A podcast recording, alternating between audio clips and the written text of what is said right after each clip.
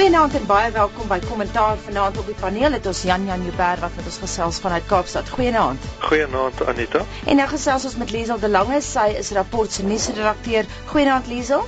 Goeienaand almal. En by my in die ateljee is Henry Jeffries, hy's 'n onafhanklike joernalis. Goeienaand Henry.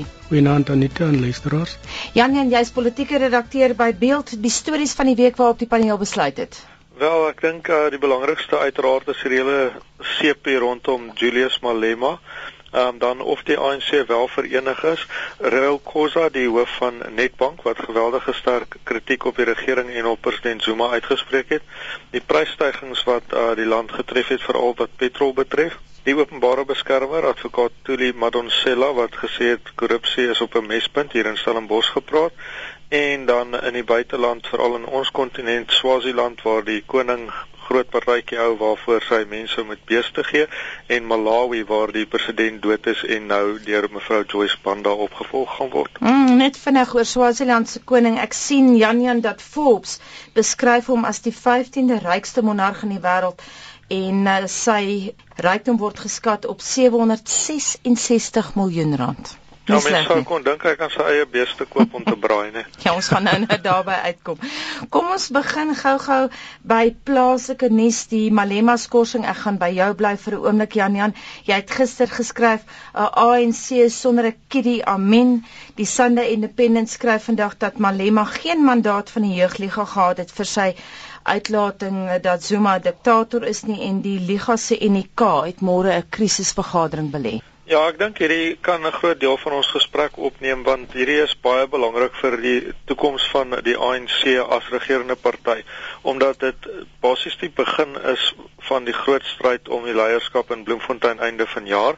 Um Julius Malema is nou uitgegooi uit die ANC uit. Hy mag niks doen nie. Hy mag nie praat by ANC vergaderings nie. Hy mag nie uitlatings maak oor ANC goeders nie. Hy mag nie eers daai vergaderings bywoon nie.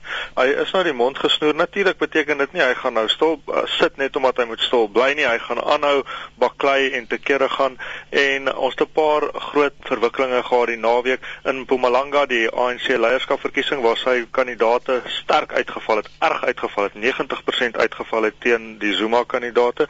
Hy het in Batroof in die Transkei opgetree by 'n kerk byeenkoms en môre vergader die jeugliga se leierskap om te bepaal hoe hulle gaan reageer op hierdie situasie. Kom ons gaan na jou toe Liesel, kommentaar. Die interessante ding natuurlik van Malema ook is die groot vraag is hoe groot is sy steun op voedselvlak? En Jan Jan het nou spesifiek genoem dat hy gister in Ooskaap by die uh, by die kerk gepraat het.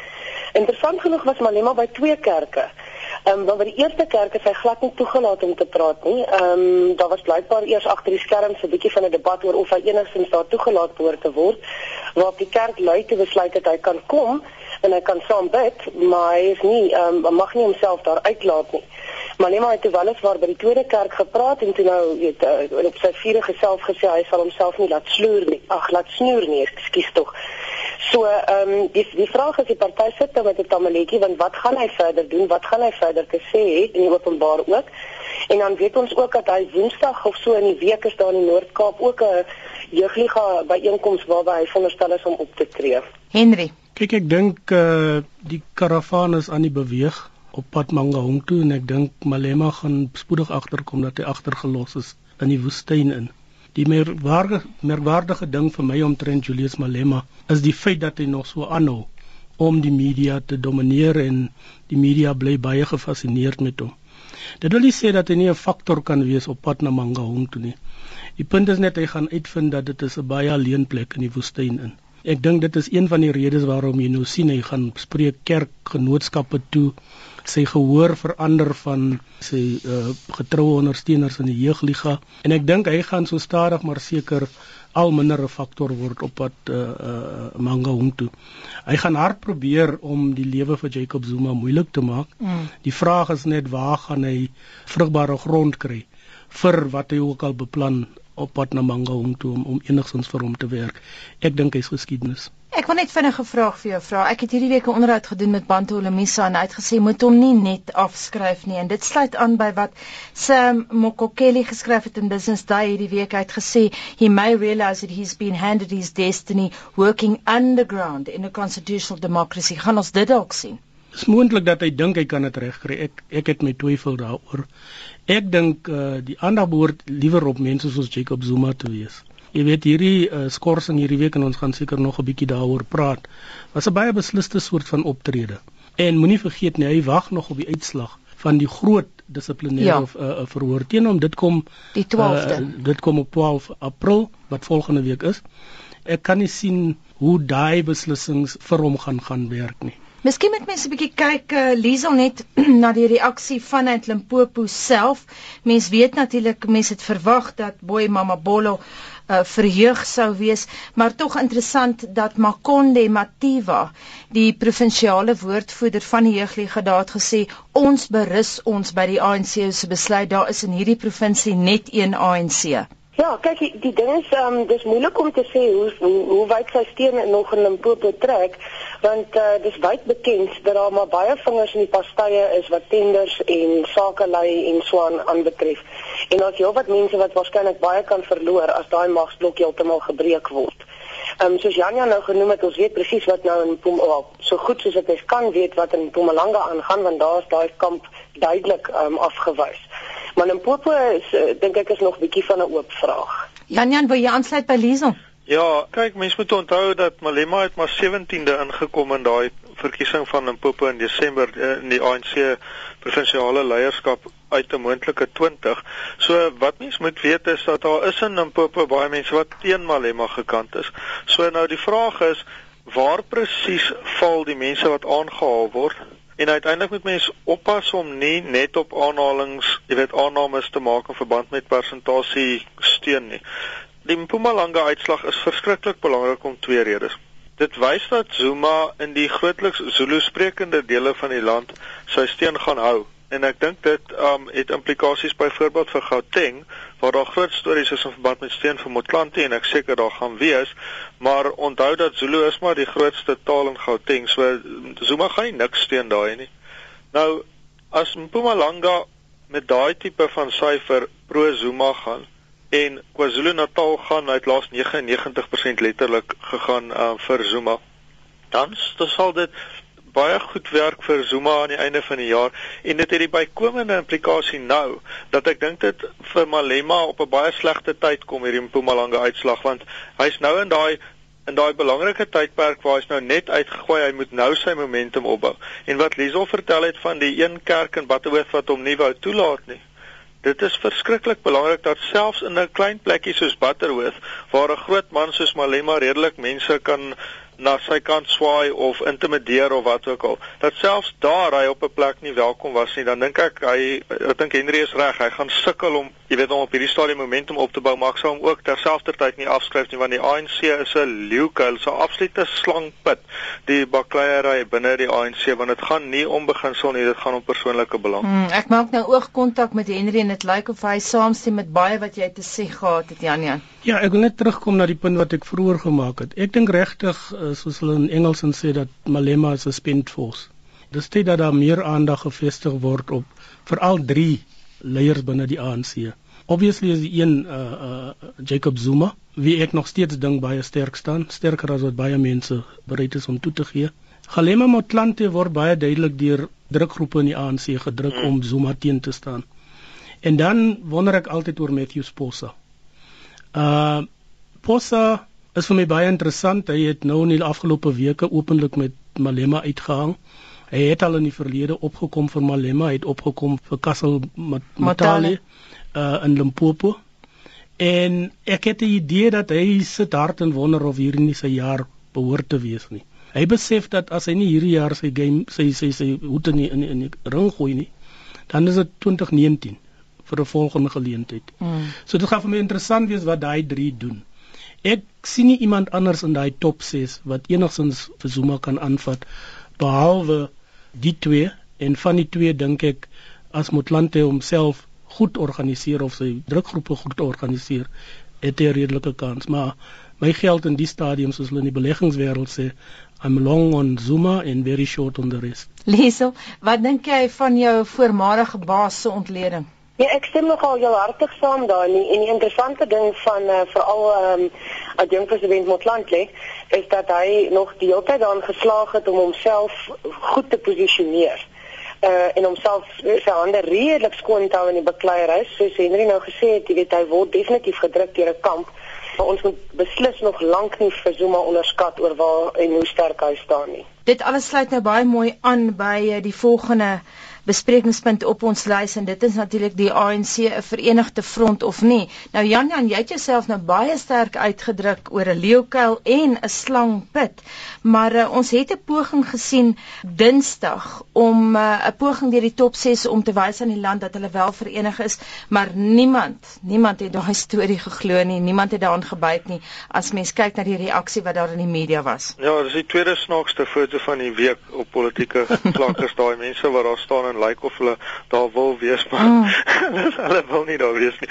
En uh die die snaakste foto net vinnig is is daai een wat geneem is in die kerk in Butterworth van um Malema en die res wat van die jeugliga leierskap wat daar staan en bid en ek sit net en wonder wat dink hulle weet. Uh is hulle besig om te dink aan die tenders, is hulle besig om te dink aan die toekoms, wie weet. Maar in elk geval terug by Dinsdag se absolute klugspel waar die top 6 van die ANC dis um, met ander woorde Zuma Motlanthe, Mantashe, Tandi Modise, Baleka Mbete en Matthews Poza.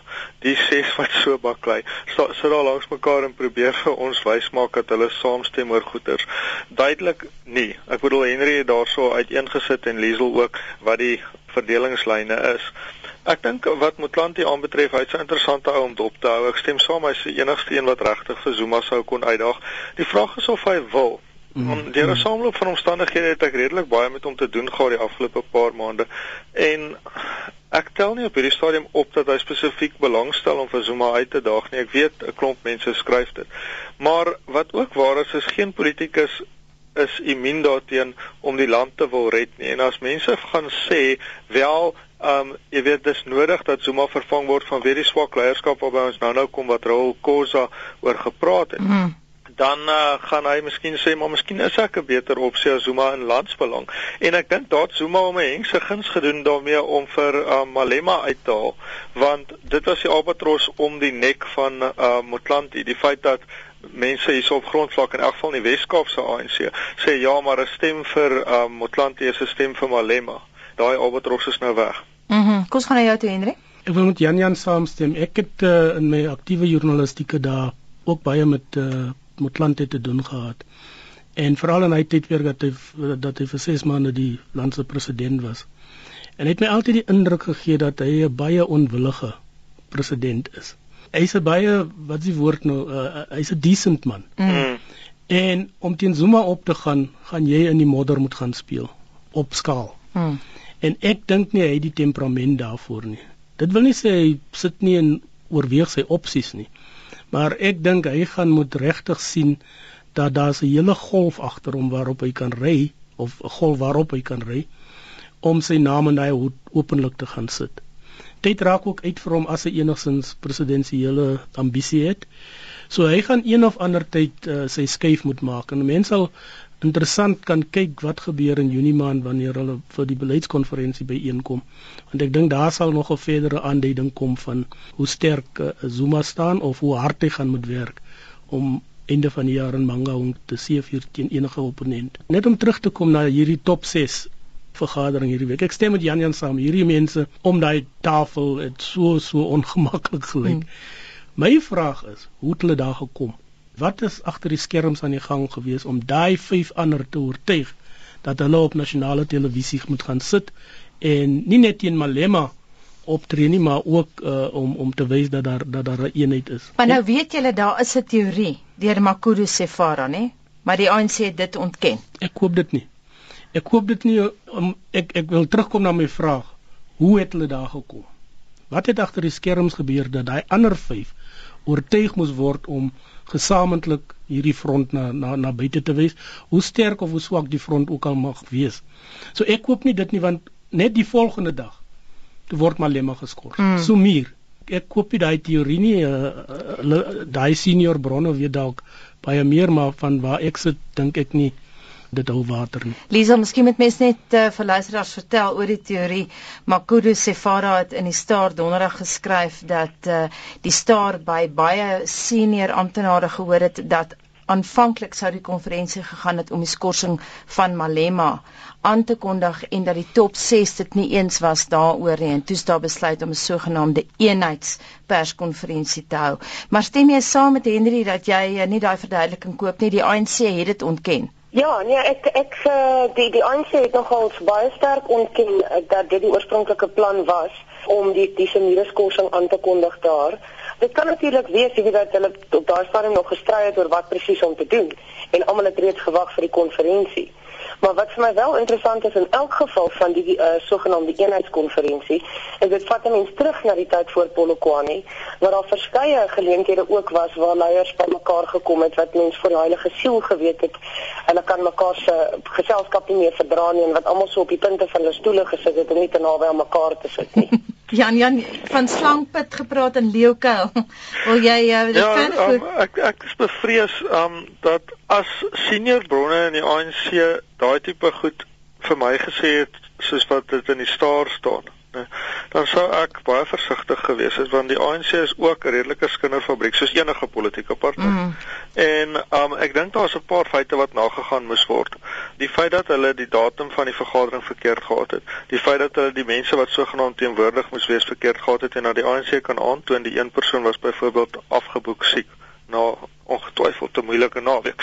Um en so voort en so voort. Daar's net te veel feite foute in. So ek dink nie ons moet te veel vashak daarby om te spekuleer, jy weet mm. presies wat het gebeur nie. Dit sal lekker wees om te weet, maar uh ek dink daai daai lyk vir my soos 'n kinderstorie.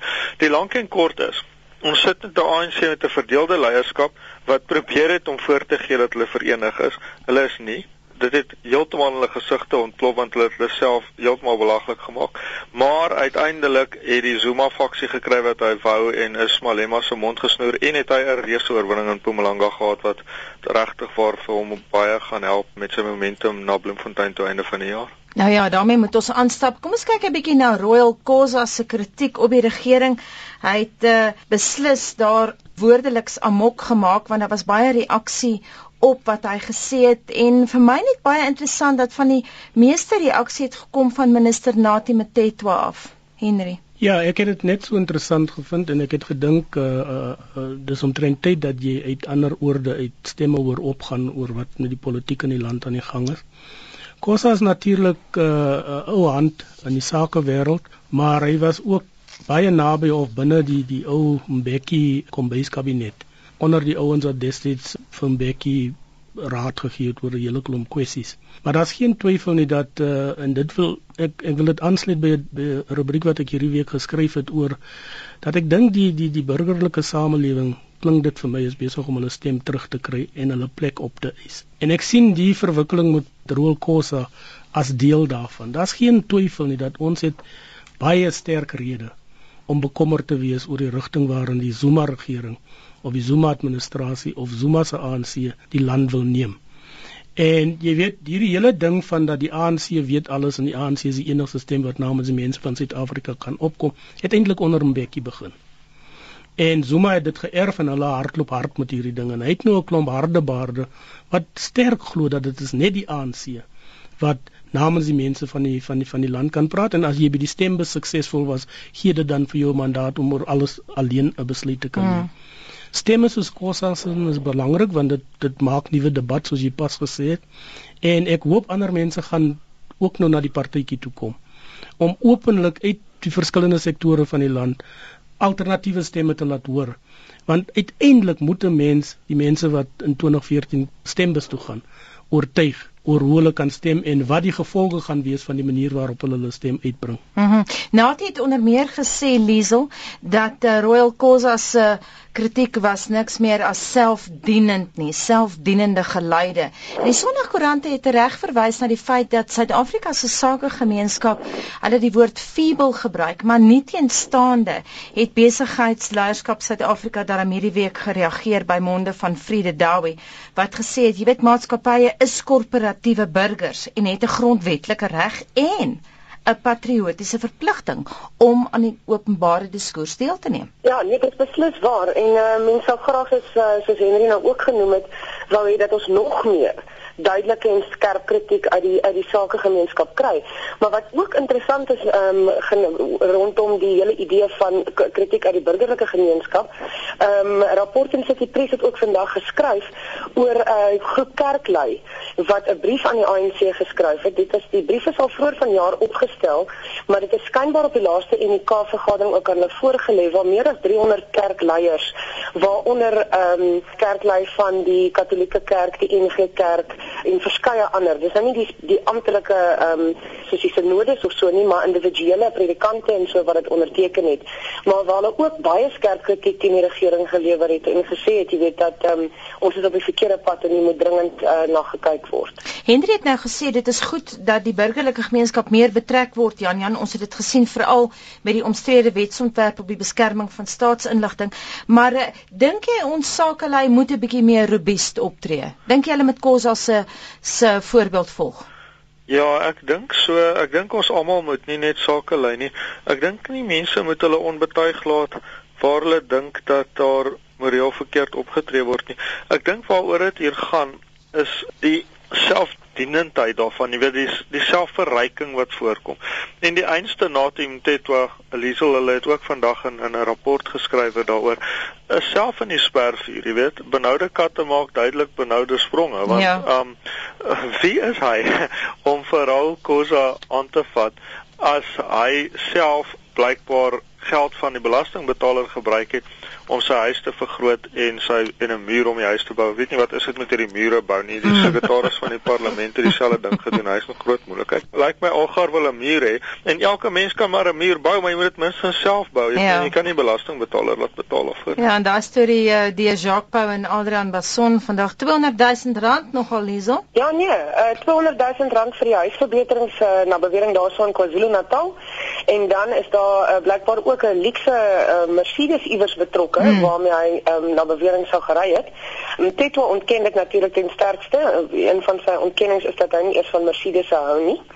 Maar in elk geval met hierdie hele weet op 'n ernstige noot met hierdie hele ding word hy nou ook betrek by die voortsleepende saga rondom Richard Mdluli wat nou mos weer um, op omstrede wyse as die polisie se intelligensiehoof aangestel is.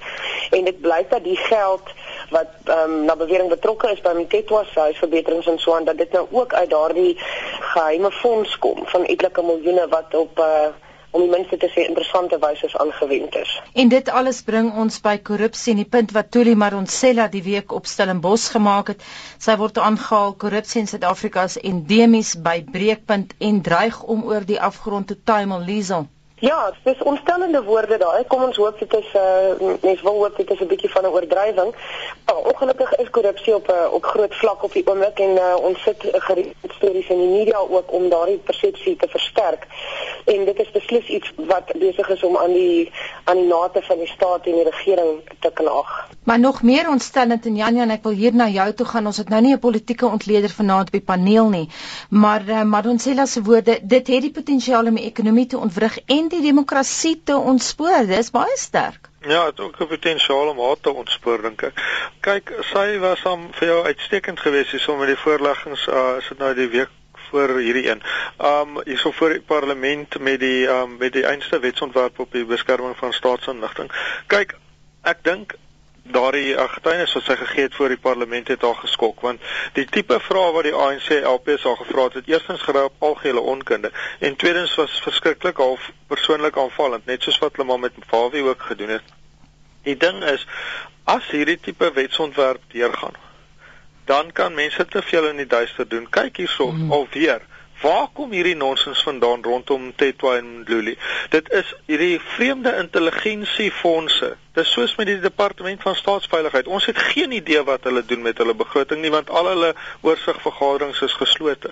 Die kern van die saak is as daar nie inligting deurkom nie, dan word donker werk konkelwerk. Mm. En um dis hoekom al hierdie goed saamhang en ek dink 'n mens moet haar uitsprake baie sterk lees in daardie verband en ons moet voortgaan om te veg vir 'n oop samelewing. Jan Jan, ek wil net 'n vraag aan jou vra. Ek weet nou nie of jy Beeld se hoofartikel donderdag geskryf het nie, synder die politieke redakteur te wees nie, maar uh, Beeld het geskryf Maar ons sê as heeltemal reg dat die siekte nie tot die openbare sektor beperk is nie. Ons het nou gepraat vanaand oor die sakegemeenskap.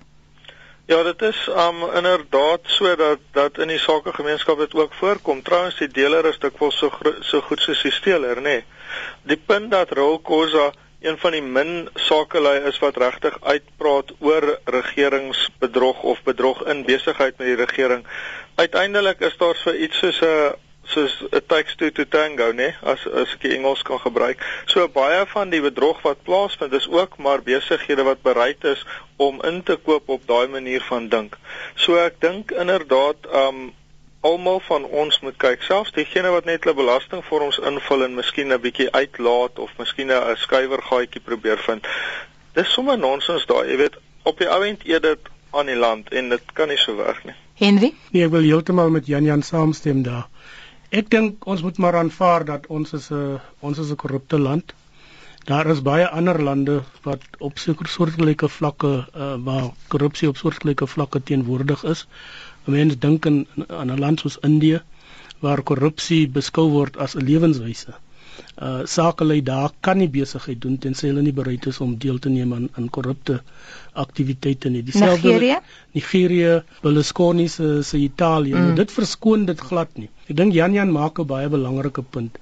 En dit is dat vir iemand om korrup te wees, moet daar iemand anders aan die ander kant van die tafel sit om die geld te ontvang of om die geld onder die tafel te stuur. Maar dwars deur ons samelewing is Suid-Afrikaners te bereid om korrupsie te aanvaar. Ons praat luidkeels oor wat met regeringskorrupsie hmm. gebeur, maar ons kyk mis hoe wyd verspreid korrupsie oral in die samelewing is. Ek sit hier ander aan by iemand in 'n DVD kyk. En skielik kom ek agter maar hier's iets met hierdie DVD verkeerd. En toe ek daarna vra, toe sê nee, hy het dit daar by straathoek gekoop uh, naby 'n winkelsentrum. En toe ek nou baie ongewild sê maar jy weet wat hierdie ding hierdie is deel van smokkelary in die land op 'n hengse skaal waarby miljarde rande betrokke is en jy help dit aan. Mm. Nou dit is my pel kwart vir my. Mm. Jy weet. So ek dink ons het as 'n land nodig om regtig hard te kyk na die kwessie van korrupsie want dit is 'n kanker en dis waarom ek so bewonderaar is van van Madonsela want ek dink uh, sy is baie dapper sy weet dat elke keer as sy hierdie goed op die tafel sit en veral die regering daaroor aanvat, verkort sy waarskynlik haar haar haar rakleeftyd. Ja, soos wat Jan Jan nou ja, ja, voorspel het. Ja. Maar aan die einde van die dag gaan 'n land net so korrupsievry wees as wat sy burgers wil wees. Nou ja, as iets met Madonsela gebeur, dan trek ons hierdie klankmateriaal uit die argief uit en ons speel dit op die lig. Maar kom ons gaan eers na jou toe, Liesel. Jy's nou geruime tyd nuusredakteur by Rapport. Presentasie gewys behalwe vir Jooste Namor. Maar presentasie gewys, hoeveel korrupsie stories skryf jy los? Weekliks. Ehm um, Anita, dis dis dis die ontstellende ding en 'n mens kom al amper op die punt waar jy kom by baie sterk stories, uh, baie belangrike stories wat grootskaalse korrupsie ehm um, oopvlek, maar jy jy kom op die punt dat dit dit raak al ons raak gewoond daaraan. Ons kom al op die punt van jog, dit lyk self of dit lyk al baie soortgelyk aan stories wat ons op vorige weke gehad het. En dit wys net vir jou dat dit ehm um, soos misdaad ongelukkig so wyd voorkom dat die publiek selfs begin afsny as hulle die stories hoor en begin dink maar okay, dit is maar net nog 'n nog 'n storie en nog 'n persoon wat droog gemaak het. En ek dink dis die belangrike punt dan ook in elk geval wat wat beide Jan Jan en Henry nou gemaak het, is dat ons moet elkeen aan in eie boesem steek mm. en gaan kyk wat ons dag tot dag doen en of ons optrede onkreukbaar is. Want dit is hoe mense gaan begin om die samelewing se houding om te swaai. Maar Lisa, ons is nou vier joernaliste om die tafel.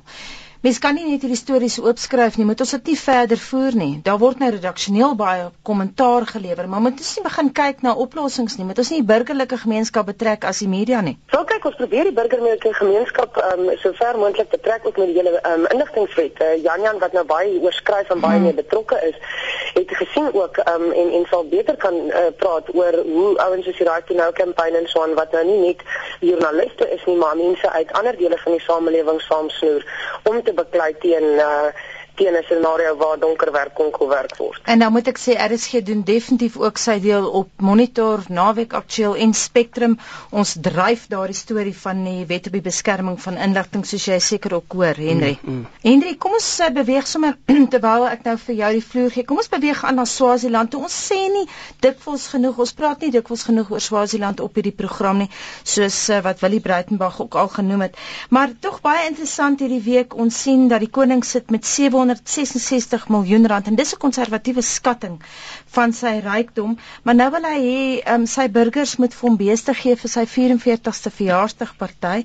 En terselfdertyd het die parlementariërs in Swaziland opdrag gegee dat die 14% belasting op toegevoegde waarde wat deur die land se regering nou ingestel is, tydelik opgeskort word, Henry, maar dan is daar ook 'n kinkel in die kabel van die Swazilandse inkomste diens sê dat die terugtrekking is ongrondwetlik. Ja, dit sou baie snaaks is as dit nie so tragies was nie.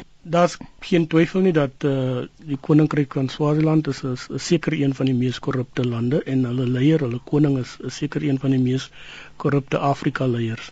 En dat hy elke bietjie bloed wat hy uit sy mense kan tap, sal tap wanneer die geleentheid hom opdoen. Ek is heeltemal seker dalk weet Jan Jan of Liesel beter daarvan maar onthou ons het 'n uh, klompie maande gelede was daar groot omstredenheid oor Swaziland se ekonomie wat op die rand van van 'n ineenstorting was en hulle het na by ons kom aanklop vir hulp en ek dink die regering het uh, ingestem om iets soos 2.5 miljard rand aan hulle beskikbaar te stel onderworpe aan sekere voorwaardes. Ek is nie presies seker waar daai hele proses staan nie. Uh die kritiek destyds was hoekom moet ons hierdie soort van geld terwyl ons dit self nodig het hmm. gee aan nie die mense van Swaziland nie maar binne bereik plaas van 'n koning wat ons weet wat dit eenvoudig net in sy persoonlike bankrekening as mense dit so kan stel sal stort. Liso Ja, daar was uh, soos Henry nou genoem het destyds met daardie lening wat ook daar gebeur het as die koning het op 'n stadium um, en dis die tipe ding wat mense eers lees en dink genigtig is dit nie dalk 'n grap nie. Maar daar daar was sprake dat die koning 'n uh, persentasie van die geld sou eis as 'n uh, kommissie vir sy rol daarin om die geld vir die hmm. land te kry. Ehm um, wat net eenvoudig belaglik is want ehm uh, mense het uh, ons kan almal ons verbeelding gebruik oor waar in die geld sou gaan ek meen die koning het een van die mees ehm um, uh hoe kan ek dit stel spandabele geleefstyle van alle monarge dit terwyl ons ook gereeld stories kry uit Swaziland uit dat daar goed is soos hulle HIV fiksmedikasie is op ehm um, die kliniek het glad nie meer um, enige medisyne om vir mense uit te deel in Swaziland Maar miskien met Suid-Afrika sy voet neersit. Ek verwys net vinnig weer na die Star. South Africa has tried to nudge Mswati towards democracy, but this mild intervention is clearly not enough. Daar moet mens jou hoed afhaal vir Kusatu wat nou regtig al jare lank vra vir demokrasie in Swaziland en miskien die grootste druk op die Swazi regering sit.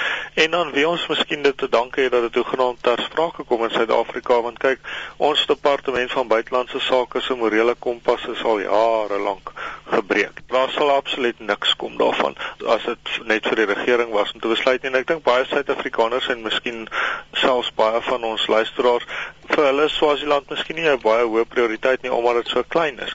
Maar terselfdertyd moet mense die ding sien dink ek as 'n absolute menseregte skending 716 of 760 wat maak dit saak jy weet op daai tipe bedrag um in miljoen in 'n in 'n persoonlike as 'n persoonlike fortuin is baie maar dis nie so verskriklik baie nie. Ek bedoel hy sou in Suid-Afrika is daar mense wat baie meer geld het as dit.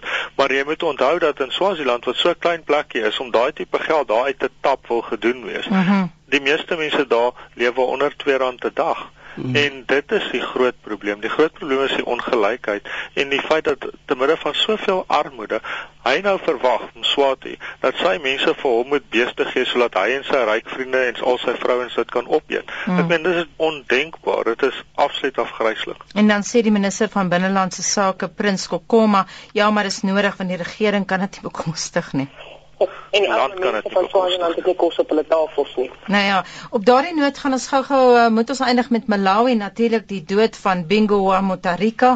Ons praat nie baie oor Malawi op kommentaar nie, maar uh, Lisa natuurlik interessant vir ons as vroue is dat ons kry nou Suider-Afrika se eerste vroue president Joyce Banda, die 61-jarige Joyce Banda. Ja, sy het natuurlik nou ingelyf as president nadat president Mutakira um, oorlede is aan 'n hartaanval vroeër in die week. Interessant genoeg is hy sy is oorspronklik uit die party uitgeskop, sy is in oppositie. Uh, Mutakira het daai party uitgeskop omdat sy oorspronklik nie um, sy broer as sy opvolger wou steun nie.